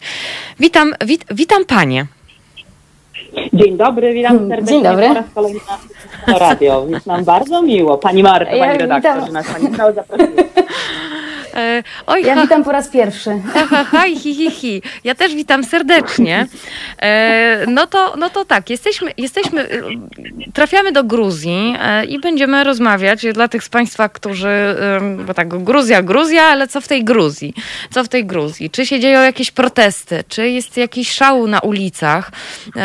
Bo ostatnio tylko z różnych, pod różnymi szerokościami geograficznymi w różnych krajach się protestuje. Stasiu, czy teraz są jakieś protesty w Gruzji? To znaczy w Gruzji teraz nie jest za dobrze, przede wszystkim ze względu na pandemię koronawirusa. To jest po pierwsze, ponieważ Gruzja jest e, zamknięta. Mm, generalnie, jeżeli chodzi w ogóle o restrykcje, które zostały wprowadzone przez ten kraj podczas całej pandemii, czyli od początku marca, były zdecydowanie bardziej radykalne niż na przykład w Polsce i mieli na przykład godzinę policyjną przez e, pewien czas. Był taki moment, kiedy zabroniono im posługiwać się samochodami osobowymi po ulicach. E, nie Naprawdę? Pandemia, tak, tak. Nie sama pandemia jakoś e, być może powoduje e, protesty, ponieważ społeczeństwo z mojej jakiejś perspektywy dość karnie, z mojej perspektywy wydaje się to takie zaskakujące, ale dość karnie podeszło do wszelkich wymogów takich sanitarnych. Natomiast jeżeli chodzi, no Gruzja jest przed wyborami, Mhm. E, pod koniec października e, są wybory parlamentarne, wybory, które są, jak wiemy wszyscy, najważniejszymi wyborami, które decydują o tym, co się będzie działo na arenie politycznej.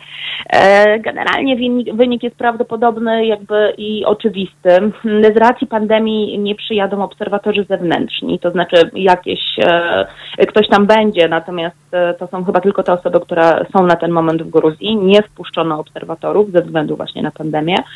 Mm, to pierwsza sprawa, więc e, w ostatnim czasie w Gruzji jest dość niespokojnie, ponieważ też na Górnym Karabachu, w Górskim Karabachu aktualnie trwa wojna pomiędzy Armenią a Azerbejdżanem. E, więc e, mniejszości narodowe, które mniejsze, mieszkają w Gruzji, jednej i drugiej narodowości, również protestują, ponieważ po pierwsze nie mogą, nie mogą się wyrwać z Gruzji, nie mogą pojechać ani do Azerbejdżanu, nie mogą pojechać ani do Armenii. E, więc wyrażają swój bunt w ten sposób. To po pierwsze, a dwa, mm, rzeczywiście jakby zaczyna wzrastać, nie chciałabym może przesadzać, ale w, ostatnich, e, w ostatnim miesiącu były dwa napady na bank e, osób takich indywidualnych w mniejszych miejscowościach, znaczy no, w miastach rzeczywiście, ale, ale no, wyglądało to tak i z zakładnikami dość poważnie. Także no, myślę sobie, że ze względu na sytuację ekonomiczną i potężny spadek Lari, mm, potężny spadek Lari, zwracając uwagę na to, że wszystkie kredyty są e, zaciągane w dolarach, e, no myślę, że zacznie się niebawem, e, albo już się zaczął problem ekonomiczny w tym kraju, zwłaszcza, że w tym roku turystyka była wyłączona. A jest to potężna gałąź. Rozumiem, czyli w każdym kraju, jak wiemy, są jakieś problemy różnej, różnej, różnej natury. E, w Gruzji to akurat e, na pokłosie pandemii koronawirusa. E, to ci z Państwa, którzy na przykład dopiero teraz e, włączyli Halo Radio, to powiem Państwu, że a nie wiedzą, co się na przykład dzieje, to prezydent Andrzej Duda ma koronawirusa, o czym poinformowała jego kancelaria dzisiaj, no takie pół godziny przed rozpoczęciem naszej Halo Depeszy. Ale już zostawiamy pandemię, zostawiamy koronawirusa, wracamy do Gruzji i tak y, będziemy trochę wścibscy i będziemy wchodzić do domu Gruzinom, ale trochę inaczej. To znaczy, jak sobie Gruzini domy urządzili. E, bo rozmawiamy wokół Biennale Architektury w Tbilisi i rozmawiamy o dostrojce, czyli dobudówce. E, to jest międzynarodowa, ogólnodostępna e, platforma internetowa, która pozwala na taką, na, na takie interaktywne zwiedzanie, bo można Stasiu, na czym właściwie polega ten projekt? Co, co można? można? Można sobie wejść do mieszkanka albo pochodzić po blokowiskach? Jak, jak to wygląda? I, i co e, można znaczy, znaczy, wklikać? O samej e, takiej właśnie technicznej stronie, to ja myślę, że Ola się dużo bardziej e, wypowie na ten temat. Ja to bardziej bym została przy tej teorii dostrojki, tego skąd się to wzięło i dlaczego jest biennale. Więc ja może odpowiem na to pytanie, a e, Ola opowie o tym, jak to wygląda i co można zrobić na tej platformie, ponieważ no, ja jestem raczej od tego zaplecza takiego dolnego, a no, Ola jest główną taką koordynatorką tego projektu i, i, i, i, i nadzoruje to wszystko, co się dzieje. Oczywiście, zróbmy tak. No więc właśnie, no więc Ola... tak. Jestem na stanowisku. No to Stasiu może zacznie od tej teorii, co? Czy ja mam mówić? Nie, prowadźmy tak, może czym jest dostrojka. To tak, Dobrze, wprowadzajmy. do, jeżeli chodzi o dostrojki, no generalnie w całym postsowiecie, czyli w całej poradzieckiej, e, wszystkie te bloki, tak zwane chruszczowki, które były budowane od 50 lat, czyli te wszystkie bloki z wielkiej płyty, z którymi my również mamy do czynienia w naszym kraju, mm, no jakby stanowiły zbyt mały metraż e, na, na to, aby móc w nich mieszkać. E, mm, na osobę przypadało początkowo 8 metrów, potem e, jakby zwiększono ten metraż do 12. No zdecydowanie jakby było to niewiele. Zaczęto więc zagospodarowywać, e, zabudowywać, wykorzystywać do różnych rzeczy balkony. E, I to zaczęło się już w czasach komunistycznych i przetrwało do dzisiaj. Taki wielki festiwal tego wszystkiego, kiedy to się rozpoczęło tak na dobre, czyli to, z czym mamy do czynienia dzisiaj, czyli jak przyjeżdżamy do Tbilisi, to pierwsze co, e, to być może może szokować człowieka, który przyjeżdża, że to, co się dzieje na fasadach e, gruzińskich bloków mieszkalnych, woła czasem o pomstę do nieba i em, sprawdzenie rzeczywiście praw fizyki, czy one się sprawdzają. Mam tu na myśli przede wszystkim prawo grawitacji, mm, bo mamy wrażenie, że ono jakby chyba jednak e, jest nieprawdziwe. Ponieważ coś, co wisi, a dawno nie powinno wisieć, a na pewno nie powinno się potem chodzić, jednak stoi, ma się świetnie i e, ktoś tam na przykład urządza imprezę albo e, no, coś jeszcze innego. Więc e, dostrojki to są dobudówki, które powstały, no, powstały na, na, na dziko, na dziko, bo bez żadnych zezwoleń. Są, Samowola budowlana. takie- Tak, to jest samowola budowlana i czasem wygląda to w ten sposób, że do całego jednego budynku został jakby dobudowany, czyli dostrojony. Dostroić to jest e, e, ze słowa rosyjskiego e, stroić to budować. Stroić to budować. I e, dobudowany jakby cały kolejny, cały kolejny blok e, mieszkalny, po prostu dołączony do tego, w- którym już mieszkamy e, i no, on się trzyma właśnie na bardzo różnych takich e, zasadach, zasadzie nie do końca jakby zawsze jasnych dla każdego. No i takim jakby moim ulubionym, bo być może może podeślemy Ci jakieś zdjęcia, Marta, żebyś mogła wkleić pod audycją. O tak, bardzo chętnie. E, e, e, To są takie właśnie, że na przykład takie antresole, które są nadbudowane na siódmym piętrze e, i są jedyną taką antresolą zabudowaną na, na, na, na takim, na rogu domu. I to jest no, cała tak, to jest balkon, którego nigdy nie było i który powstał. Jakoś się trzyma. Więc to jest dobudówka. Okej, ale no to w takim razie Aleksandro, oddaję teraz tobie głos. A propos, a propos, a propos projektu. Tak, e, to ja tak powiem może od początku, jak to mm, się zaczęło z tym projektem. E, Otóż e, ja się dowi- jestem z kolei od strony architektonicznej, więc się po prostu dowiedziałam o Biennale. E, No i zaczęłam szukać w sieci e, kogoś, kto ma większe pojęcie o Gruzji niż ja. E, No i oczywiście natknęłam się na nazwisko Stasi i zadzwoniłam. I Stasia mi bardzo pięknie zaczęła opowiadać właśnie o tym, e, jak się żyje w Gruzji, jak e, to społeczeństwo wygląda od wewnątrz, jak budynki wyglądają. No i w pewnym momencie właśnie zaczęła opowiadać o tym stanie technicznych mieszkań, o e, tych dobudówkach wszystkich, o balkonach. Ja zaczęłam to sprawdzać. Dla No summa architektki to summarum chyba gratka. Dokładnie, tak. Ja jestem wielką fanką e, tej, e, tych konstrukcji i tego krajobrazu, tego jak to wygląda. Naprawdę jest to imponujące. Oczywiście kwestie estetyczne są bardzo tutaj e, wątpliwe, e, ale samo zjawisko jest e, dla mnie no, niesamowite po prostu.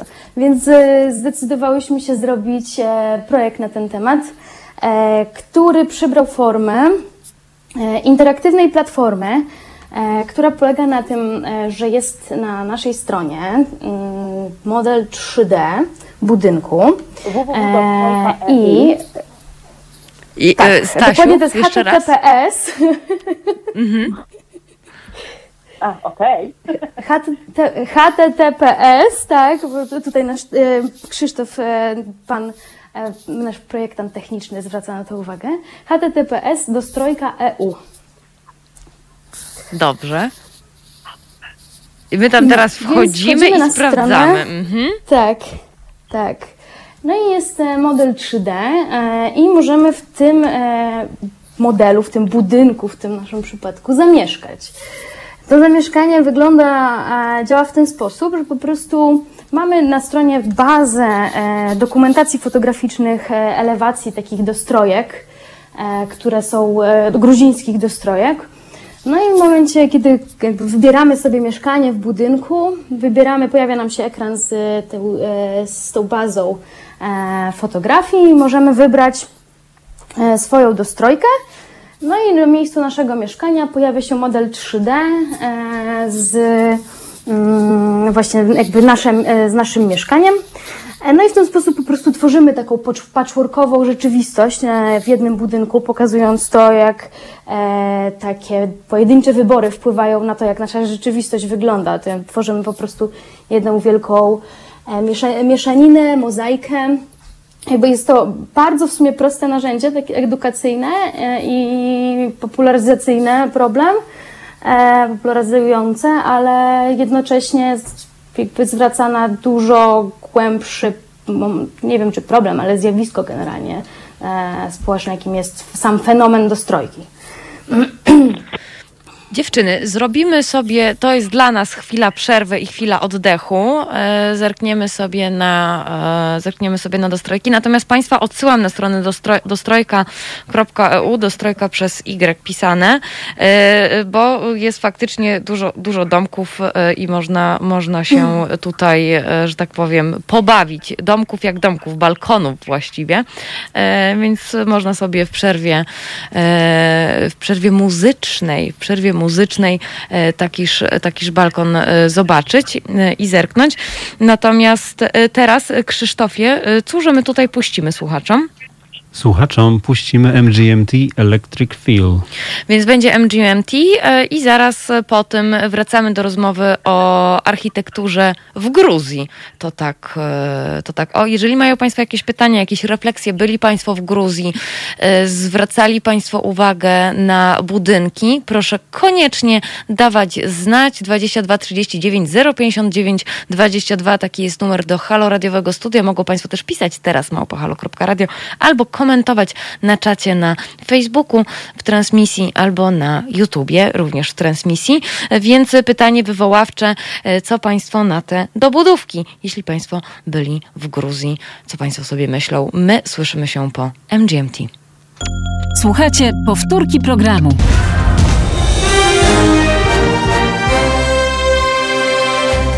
Halo Radio. Gadamy i trochę gramy.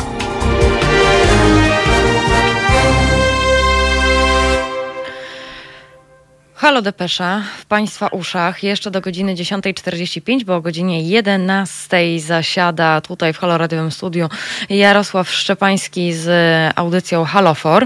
E, natomiast e, pytanie do realizatora Krzysztofa, właściwie prośba, czy dałoby radę ten namiar dać na pasku, to znaczy destrojka.eu.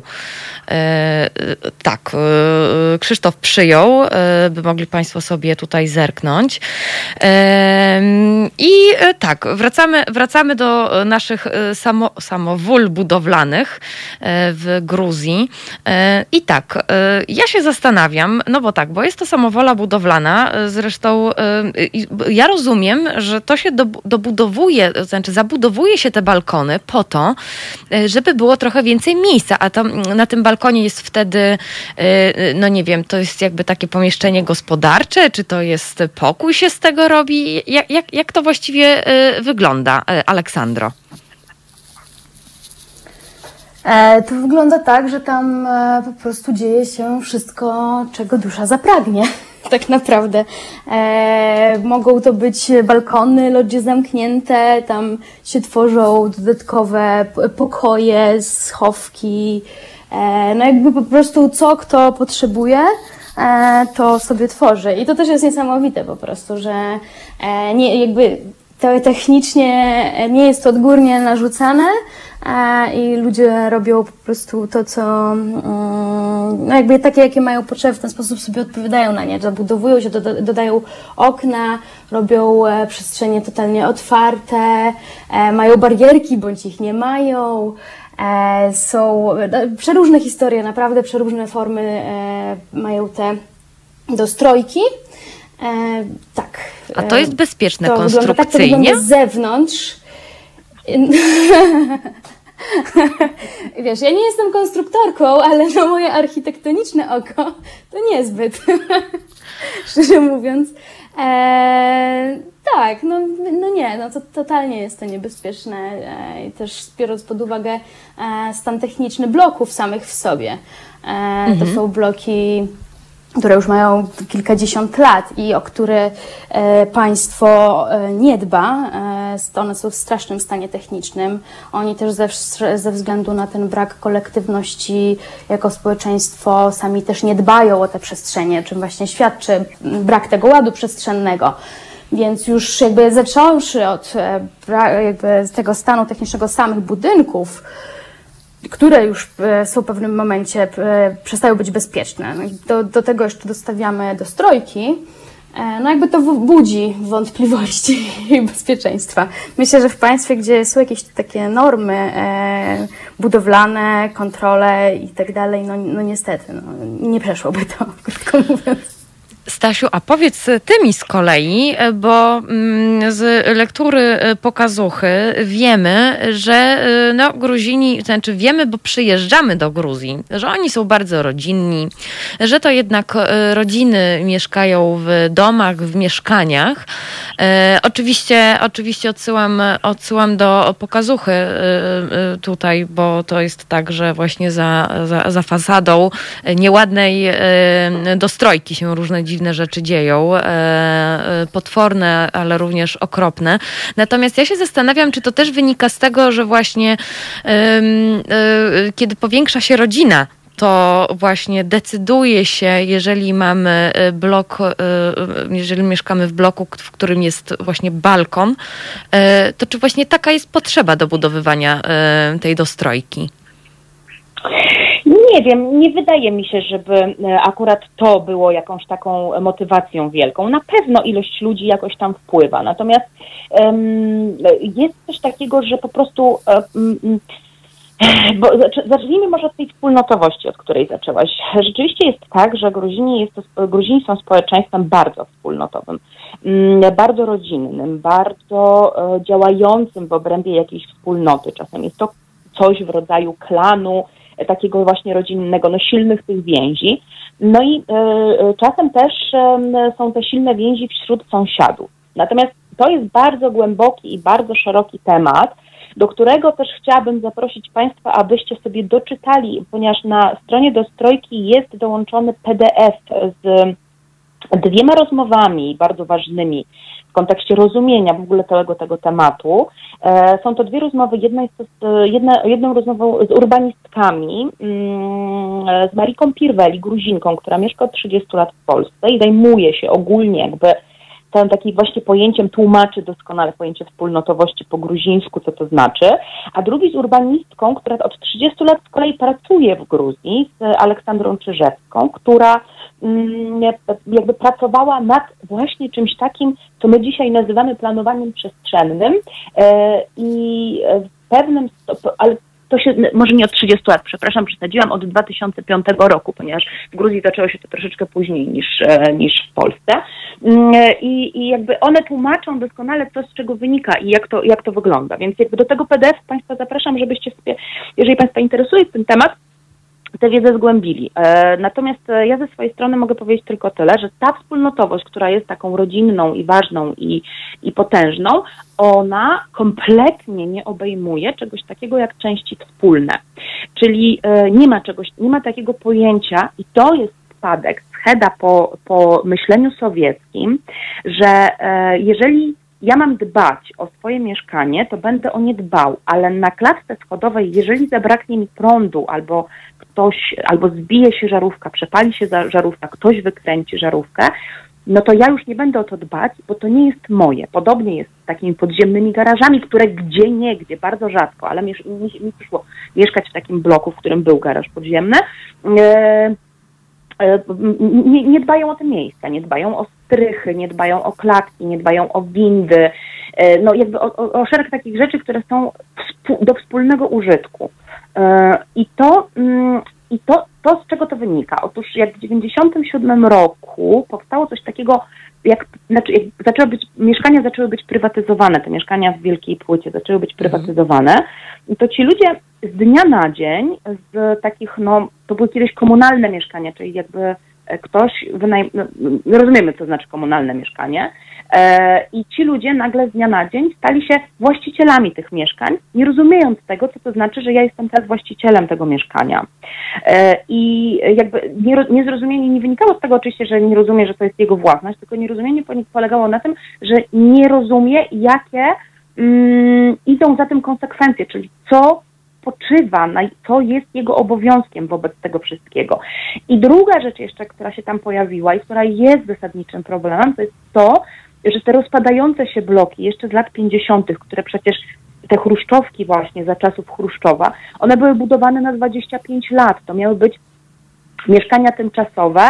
Kiedy już wybudujemy sobie wspaniały komunizm, to zbudujemy dużo lepsze domy. No to się oczywiście, jak wszyscy znamy historię, nigdy nie stało i chruszczowki mają się dobrze do dzisiaj, znaczy dobrze jak dobrze. Ludzie w nich mieszkają mm, i e, no niestety w, w, w tych mieszkaniach, te mieszkania są, e, bardzo, te domy, te, te budynki są w fatalnym stanie technicznym. I państwo w absolutny sposób nie pomaga e, właścicielom te, tych, tych współwłaścicielom tych, tych domów w utrzymaniu Pamiętajmy jeszcze o jednej rzeczy. Tbilisi jest e, miejscem, które jest aktywne sejsmicznie. Od czasu do czasu tam się zdarzają, miejmy nadzieję, że, znaczy jakby, miejmy nadzieję na to, że nie zdarzy się tam potężne trzęsienie ziemi, ale te ruchy tektoniczne tam są i to również wpływa oczywiście na, na jakość tych, e, tych budynków z wielkiej płyty. Co dru- jeszcze jedna taka ciekawa rzecz. Tbilisi na przykład nigdy nie udało się zrobić takiego miasta stricte e, przemysłowego. Planowano to zrobić, ale to się nie udało właśnie ze względu na, na to, jak Tbilisi jest położone. I tam są takie miejsca, w których powstały takie, takie, takie bloki po prostu, e, tak, no jakby osiedla bloków. Ale kabatów na przykład nie udało się zbudować e, w Tbilisi nigdzie. Mhm. Rozumiem. E, Aleksandro, wrócę teraz e, do ciebie. E, jako, że jesteś architektką i projektantką, to myślę sobie o czymś takim, że patrząc na te bloki w Gruzji na, na mieszkania, na dobudówki, no to ktoś to kiedyś wymyślił i za tego ojca uważa się Corbusiera. I co on by na taką dostrojkę, samą dobudówkę by powiedział?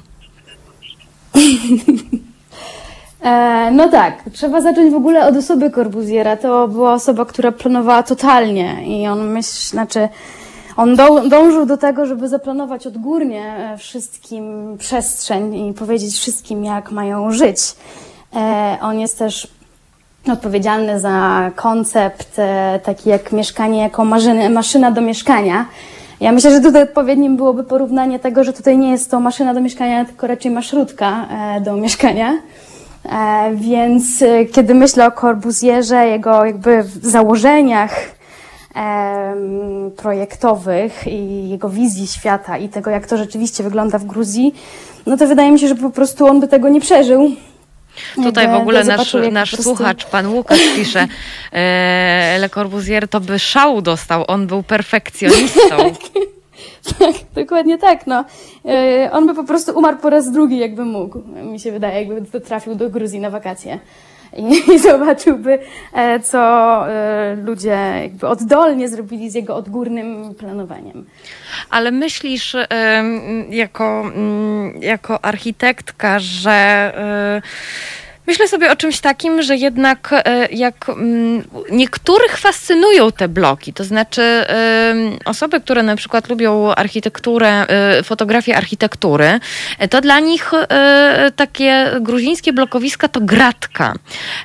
A na przykład architekci, nie wiem, przygotowując projekt też wspólnie z mm, Anną Nauwald, również, również architektką i projektantką, e, to jak go przygotowywałyście, to co sobie myślałyście? To znaczy, e, myślę o czymś takim, jak tak można, albo kto na to pozwolił, albo bardzo ciekawe jakby zagadnienie. Jak to, jak to, jak do tego podchodzą e, właśnie architekci? O. Mhm. No, mi się wydaje przede wszystkim, że to zależy od architekta, no bo są architekci właśnie tacy totalni, E, którzy nie chcą, żeby ich wizję e, naruszano, którzy jakby mają swoje e, wy- wy- wytyczne projektowe i nie chcą, żeby nikt w to jakkolwiek ingerował, szczególnie estetycznie. Ale są też tacy architekci, którzy bardzo lubią procesy partycypacyjne, tego właśnie ten udział społeczeństwa w procesie projektowania przestrzeni wspólnych, czy właśnie e, mieszkań, mieszkaniówek tak zwanych. No i tutaj też chciałam podać taki fajny przykład, e, ponieważ w 2016 roku nagroda Pritzkera właśnie, czyli najbardziej prestiżowa nagroda w architekturze, poszła do architekta Alejandro Araveny, który odpowiada właśnie za taki projekt w Chile. Jest to mieszkanie, e, osiedle mieszkań socjalnych i jego projekt polegał na tym, że on zrobił osiedle domków szeregowych, e, z tym, że każdy dom wybudował e, w połowie. I drugą połowę, druga połowa to była wolna przestrzeń dla mieszkańców do wybudowania tego na własny sposób. Dzięki temu on uporządkował trochę tą przestrzeń, tak, a z drugiej strony właśnie dał pole tym, mieszka- tym e, mieszkańcom do właśnie e, dostosowania tej przestrzeni pod siebie. I de facto kończy się to tak naprawdę na tym samym, co mamy w Gruzji, gdzie mamy budynek i jest to, plus druga część jest dobudowywana przez mieszkańców, tylko w Gruzji jest to czymś tak naprawdę naturalnym dla nich, wynikających z potrzeb, czymś organicznym. A tutaj mamy architekta, który to zaplanował i którego Taki który został eksperyment mianowany, trochę. Tak, on został mianowany bardzo świadomym, prospołecznym architektem. Dostał najbardziej prestiżową e, nagrodę architektoniczną w 2016 roku. E, jakby de, de facto za coś, co już od dawna istnieje na wschodzie. Więc to jest niesamowite właśnie ta percepcja e, tego, jak my postrzegamy ten wschód, że to jest właśnie takie, e, jest jeden wielki bałagan, nieporządek, oni niszczą tę architekturę, a z drugiej strony na zachodzie jest to traktowane jako wielka wartość i świadome projektowanie. Rozumiem. to To Mhm. dość ciekawe, bo też y, y, wiem, że architekci mają jednak, y, mają jednak y, y, w głowie los tych y, osób, które będą korzystać z tego, co oni y, zaprojektują, a ktoś to później wykona i później w końcu to się, to się dzieje, y, więc, y, więc akurat to bardzo ciekawe. Y, Eksperyment, eksperyment y, architekta osiedlu, osiedla w Chile. Swoją drogą znowu, proszę Państwa, robimy taką klamrę. Już zostało nam niewiele czasu akurat, ale ja chciałabym się jeszcze zapytać, co by się stało, gdyby na przykład dostrojki nagle magicznie zniknęły? Myślę sobie o czymś takim. E, To właściwie pytanie e, do Was obu, bo. Philip Springer, e, reporter, e, który na przykład e, napisał taką książkę jak Wanna z kolumnadą, e, w której w przestrzeni e, publicznej w Polsce e, dzieje się wszystko, absolutnie. I nam to tak niby trochę przeszkadza, ale właściwie niekoniecznie. E, I się zastanawiam, czy moglibyśmy porównać w jakiś sposób e, tą, tak, to takie nieuporządkowanie naszej przestrzeni publicznej e, w, e, z tą, która się dzieje w Gruzji. E, Czy faktycznie jest tak, że no, wszyscy Gruzinie, w ogóle Gruzinom to nie, jakby no, nic, nic, im, nic im do tego i naprawdę mają, mają gdzieś, jak wygląda przestrzeń publiczna. Bo nie chce mi się wierzyć, że nie ma estetów. Stasiu. Em, no nie ma. O, okropne, okropne. To znaczy, jakby myślę sobie, że mm, jeżeli są, to jest ich tak niewielu, że nie mają żadnej siły przebicia. Mhm. Bo no nie, nie, y, nie chyba nie, nie, nie możemy jakby tego ładu przestrzennego polskiego, jaki mamy, taki mamy, e, ale nie, nie jesteśmy w stanie tego porównać. Nie. Ale jeżeli dostrojki miałyby nagle zniknąć z przestrzeni em, publicznej w Tbilisi, no to moim zdaniem to już nie będzie Tbilisi. O, proszę. Y, y, Olu, co ty, co ty myślisz o tym? Czy na przykład właśnie No. takie dostrojki budują specjalny taki chara, no nie wiem, właśnie taką charakterystyczną rzecz, że na przykład tylko dostrojki są w, y, w Gruzji, w Tbilisi w tym momencie, o którym mówimy, a na przykład nie znajdziemy ich, e, no nie wiem, w, e, no nie wiem, w Armenii albo na przykład w Ukrainie. Nie, no znajdziemy wszędzie, znajdziemy jakby Mhm. w każdym kraju, który jest po, po radziecją, tak, tak tylko dodałam. Mhm. Tak, tylko na, na inną skalę trochę, nie? Tak mi się wydaje. Ale też nie, ja nie jestem tutaj ekspertką od e, wschodu. E, ale jeżeli chodzi o kontrast z Polską, no to wydaje mi się, że u nas też generalnie ten brak ładu przestrzennego, przestrzennego jest skupiony wokół przestrzeni wspólnej, e, czyli wszelkich placów, e, ulic e, i tak oraz komercjalizacji wszystkiego, czyli u nas głównie brak ładu jest sprowadzany tak naprawdę do obwieszenia banerami, reklamami wszelkich budynków, płotów, wszystkiego, co tak naprawdę stoi. e, gdzie można zamieścić e, cokolwiek, co pozwoli ludziom się e, zareklamować. Jakby tu jest największym, e, moim zdaniem, problem naszej przestrzeni polskiej. E, Samo mieszkalnictwo no, wygląda jak wygląda. Mamy pastelozę, czyli e, budynki malowane na kolory pastelowe. Mamy jakby też różne, różnej jakości projekty i estetycznie i jakościowo. E, No ale to nie jest to samo co Gruzja, to w ogóle tutaj jest, mówimy o innej skali e, braku ładu. Ale natomiast jeśli chodzi o Gruzję, to wydaje mi się, że jeżeli te dostrojki jakkolwiek miałyby zniknąć, to nie wiem, jak dla mnie to by się po prostu przerodziło w jakąś e, wojnę domową. Bo jakby to jest, e, to jest tak zakorzenione w ich świadomości e, i no nie wyobrażam sobie, że jakby, jakby każdemu teraz Gdyby 10% prawo miało ustanowić, tak? odjąć, tak, że jeżeli na przykład wprowadzamy ład e, społeczny, e, ład przestrzenny i urywamy te wszystkie dostrojki i każdy, każdy przez to traci jakieś tam 10% powierzchni swojego mieszkania, no to nie wiem, no ludzie wyszliby na ulicę prawdopodobnie. Jakby Tbilisi moim zdaniem nie ma prawa istnieć bez tych dostrojek. Już w tym momencie jest zdecydowanie za późno. Wtedy by się wspólnota narodziła. E, tutaj jeszcze pan Łukasz komentuje, jeżeli dobrze pamiętam, to w Buenos Aires z dnia na dzień zdelegalizowali reklamy w przestrzeni publicznej i zdjęto wszystkie plakaty i outdoory. Potem ludzie zaczęli się gubić we własnym mieście. Okazało się, że reklamy, banery, wielkie płachty reklamowe były punktem orientacyjnym dla mieszkańców, a przy okazji ich usunięcie pokazało, co to miasto ma pod sobą, jakie jest brzydkie. O nie, Buenos Aires jest piękne, e, panie Łukaszu. E, To tyle mogę powiedzieć. Natomiast, e, moje drogie, my już musimy kończyć. Bardzo wam dziękuję za rozmowę.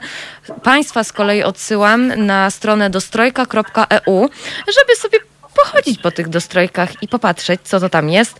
Przypominam, że to w ramach Biennale Architektury w Tbilisi, e, gdzie w skład zespołu tutaj kuratorskiego i reprezentacji z Polski właśnie Aleksandra Zawistowska, Anna Nauwald, architektki projektantki, a także e, Stasia Budzisz, e, tłumaczka języka rosyjskiego, reporterka i autorka książki Pokazucha na gruzińskich zasadach. Dziewczyny, bardzo, bardzo Wam dziękuję. Dziękujemy Ja bardzo. dziękuję bardzo. Jeszcze tylko bym chciała od siebie dodać, że dziękuję Annie przede wszystkim i Krzyśkowi Nazarowi, który był osobą odpowiedzialną za aspekty techniczne i bez niego to wszystko by się nie zdarzyło. To i my dziękujemy. Ja się z Państwem już żegnam. Y, Uciekam ze studia szybko, bo już Jarosław Szczepański u progu. Y, Dziękuję Krzysiowi za realizację. Słyszę się z Państwem za tydzień w piątek o godzinie siódmej. Trzymajcie się ciepło, zdrowo, higieniczne i pamiętajcie, protestować można również zdalnie. Wszystkiego dobrego. Do usłyszenia. Marta Woźniak.